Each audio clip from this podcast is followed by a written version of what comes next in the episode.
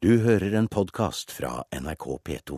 Er EØS-avtalen i spill? Det spørsmålet stiller du i Politisk kvarter, Bjørnbø.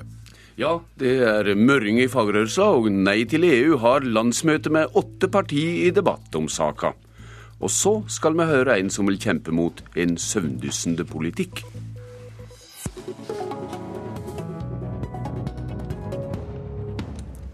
Motstand mot EØS står i sentrum når Nei til EU holder landsmøte på Hamar i dag, med brei politisk debatt om saka.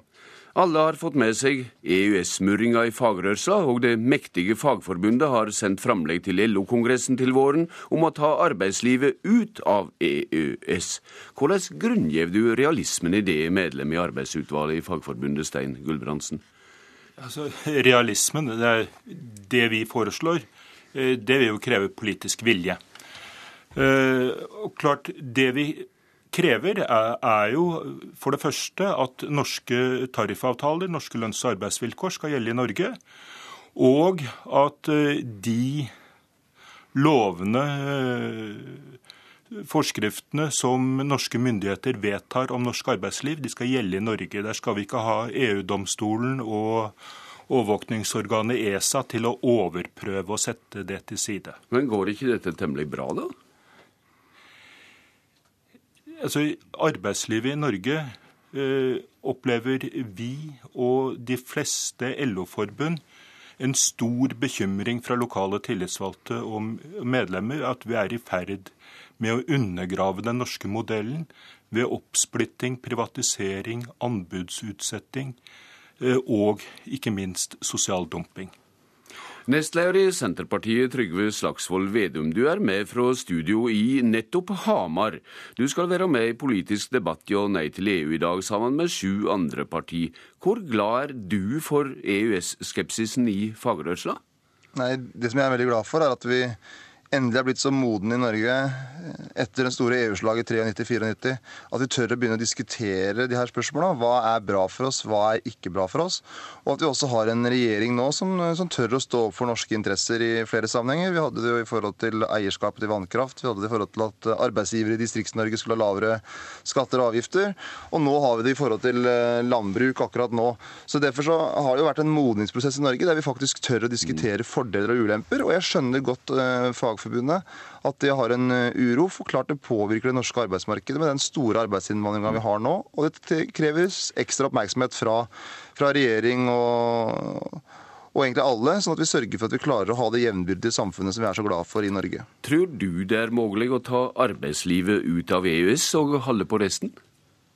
Altså, det, er jo en, altså, en av EUs eh, fire friheter. og så jeg, jeg, skjønner at det å ta hele arbeidstidsspørsmålet ut er en, er en krevende øvelse. Vi i Senterpartiet har jo vært eh, motstandere av EØS hele veien. For vi har ment at den dynamikken i det indre markedet truer noe av de grunnleggende verdiene i det norske samfunnet.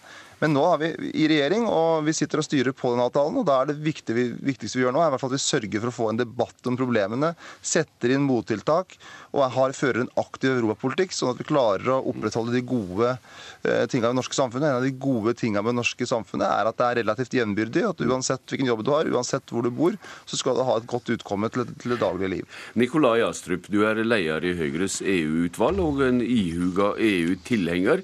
Hvor trugende tykker du aktiviteten i fagrørsla, Senterpartiet, SV og Nei til EU er?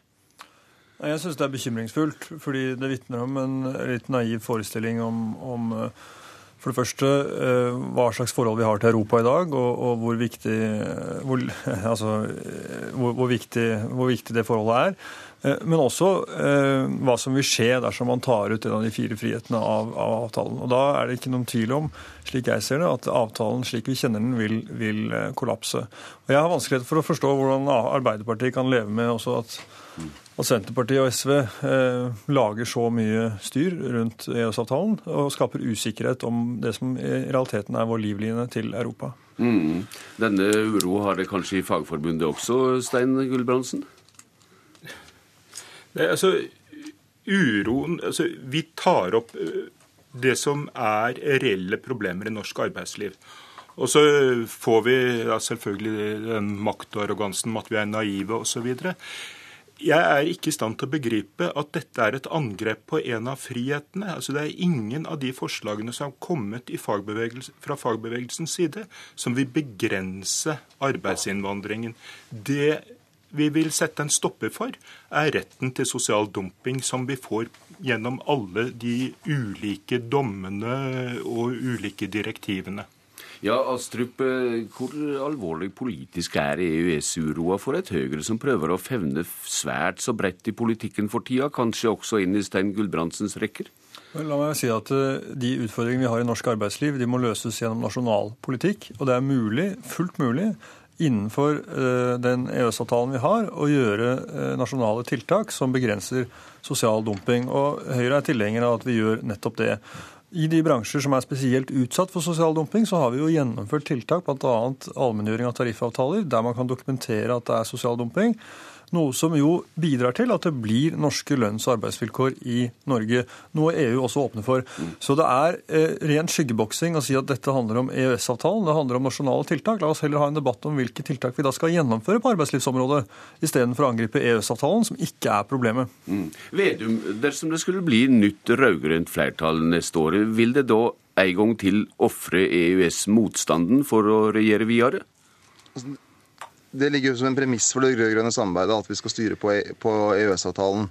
E men så er det det som har vært noe av det veldig bra i norsk politikk de siste fire åra, er at vi nå endelig tør å diskutere innholdet i de enkelte direktiv. Tør å diskutere f.eks. eierskapet til vannkraft, eller vikarbyrådirektiv, eller uh, andre typer bestemmelser fra, fra EU. Ja, du har, nett, du har nett vært i Brussel for mellom annet å snakke om ostetoll. Hvor skumle synes du de verkene i der? Nei, de virka ikke noe skumle i det hele tatt. Det er en kjent sak at EU sitt landbruk har andre interesser enn det norske landbruket, og da er det en selvfølge at den norske regjeringa står opp for det norske landbruket. Og jeg blir litt forundra over f.eks. For Høyre, at de velger å være mer opptatt av det danske landbruket enn det norske landbruket. Og det, Vi hevder vår rett, og vi står på øh, våre rettigheter. Og vi forholder oss fullt og helt til de inngåtte avtalene vi, vi, har med EU. Men det som er litt sånn synd med, med, med Høyre, at de har jo en så blind tro på EU-systemet at nesten uansett hva som kommer fra EU, så er de for. Mm. Og det som er bra med dagens regjering, er at vi tør å ta stilling til om vi ønsker å privatisere den norske vannkrafta, eller om vi ønsker å ha et offentlig eierskap, eller om vi ønsker å ha et levende landbruk i hele landet. Mens, mens Høyre, hvis det er EU eller Brussel som sier det, så er det per definisjon sant, og sånn er det ikke. Nikolai Astrup, hva er ditt perspektiv på Høyres primærstandpunkt om EU-medlemskap akkurat nå? Vi er tilhengere av norsk medlemskap i EU, men vi er ikke tilhengere av alt som kommer fra EU av den grunn. Og Der, der tar Trygve Slagsvold Vedum grundig feil. Men når vi er f.eks. mot at han setter opp ostetollen på da, modne, faste oster, så handler jo det bl.a. om at han setter Norges nest viktigste eksportnæring i en veldig vanskelig situasjon, nemlig fisk, ja. fiskerinæringen. Og, og jeg syns jo det er ganske spesielt å ofre, si, å sette Ehm, å, å, sette eh, fiskerinæringen i den situasjonen eh, når, eh, for, for, noen skarve osters skyld. Det er faktisk viktigere at vi fortsatt har en, en sterk norsk fiskerieksport. Det, det, det, vet Astrup veldig godt at vi ikke gjør. For at vi har egne avtalefesta forhold med fiskeri med EU. Og det er ikke noen skarve norske oster heller. For at der er ca. 40% av norsk melkeproduksjon som går inn i de skarve ostene. Og hvis vi hadde lagt ned de 40% av norsk melkeproduksjon, så vi lagt ned melkeproduksjonen på hele Vestlandet og hele Nord-Norge. Så Det viser hvor liten forståelse også Høyre har for hvor viktig en av landets absolutt største næringer er, nemlig landbruk og norsk næringsmiddelindustri. Og vi står opp for den næringa. Vi setter ikke opp mot fisk. Og Det er bare Høyre som gang etter gang setter fiskeri opp mot landbruk. Denne regjeringa vil står opp både for fiskeri og landbruk. Vedum nå let med både fisken og osten ligge. Stein Gulbrandsen, når du hører på politikerne, hva sier det deg om eh, Fagforbundets framlegg om å sette EØS-avtalen i spill? Nei, altså hva, hva, hva, hva det, det, det, blir på mange måter Det kom en påstand som ikke har rot i, i vårt vedtak. Og når Astrup her sier at det, Høyre også er for å diskutere hvordan vi skal sikre at eh, norske lønns- og arbeidsvilkår skal gjelde i Norge, at eh, norsk lovgivning skal gjelde i Norge, så er jo det reelt sett innholdet i vedtaket vårt på arbeidslivsspørsmål. Sånn at når de påstår at vi setter det i spill, så er det på en måte et forsøk på å avspore, ikke ta opp den debatten vi vil. Altså, det er klart Den sosiale dumpinga den er jo en type profittmaksimering for, eh, for det, det ikke helt ryddige delen av norsk arbeidsliv. Leser du Fagforbundet som faen leser Bibelen, Astrup? Nei, det gjør jeg ikke. Men det er altså mange forbund som har vært ute sammen med Nei til EU og sagt at man må reforhandle EØS-avtalen med sikte på å ta ut arbeidslivskapitlet. Det vil ha store konsekvenser for vårt forhold til Europa. Det er det ingen tvil om. Så mener jeg at det er et blindspor, fordi vi kan altså løse de utfordringene som er i norsk arbeidsliv gjennom nasjonale tiltak. Det er ingenting i EØS-avtalen i dag som hindrer oss i å gjennomføre nasjonale tiltak som sikrer at vi har nasjonale at norske eh, lønns- og arbeidsvilkår gjelder i Norge. Eh, og Dermed så mener jeg at dette egentlig handler om noe helt annet. En kamp mot selve EØS-avtalen. Og Nei til EU har vært veldig klare på at de ønsker å nedkjempe EØS-avtalen direktiv for direktiv. Mm. Og det er den strategien vi ser nå. Og Sylkort Vedum til slutt, den kampen vil du fremdeles være med på? Ja, Vi er veldig tydelig når det er direktiver som vi er imot. Så tør vi å si nei til det, for vi er opptatt av å se hva er i norske interesser. og F.eks. var det ikke norske interesser å privatisere vannkrafta. og Derfor så sa vi nei til en sånn privatisering. Og vi fikk gjennomslag gjennom målrettet arbeid, for vi er ikke så nesegrus i beundring av Brussel som Høyre. norsk vannkraft, så det er så, Da sier vi at debatten går videre på Hamar jo nei til EU senere i dag. Takk til dykk, Nikolai Astrup, Trygve Slagsvold Vedum og Stein Gulbrandsen.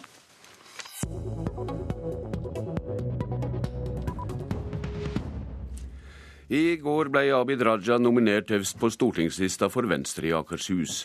Her skal vi høre mer om en annen nominasjonskamp. Miljøpartiet De Grønne mener det trenger i overkant av 14 000 røyster for å nå en stortingsplass fra Oslo neste år. Nominasjonskomiteen har vraka den nasjonale talspersonen Hanna Markussen fra førsteplass på lista. Tidligere WWF-leder Rasmus Hansson er innstilt, og er også innstilt på kamp i debuten som partipolitiker. Han vil på Stortinget neste høst. Inne litt klok, vet du. Rasmus Hansson viser vei til kontoret sitt på et miljøforskningssenter. Han vil til maktens korridorer neste høst. Den tidligere WWF-kjempen vil bli stortingspolitiker for Miljøpartiet De Grønne i Oslo. Eh, vi må omstille hele samfunnet fra en eh, både uansvarlig og også veldig farlig eh, total oljeavhengighet. Og den omstillingen må skje før olja tar slutt.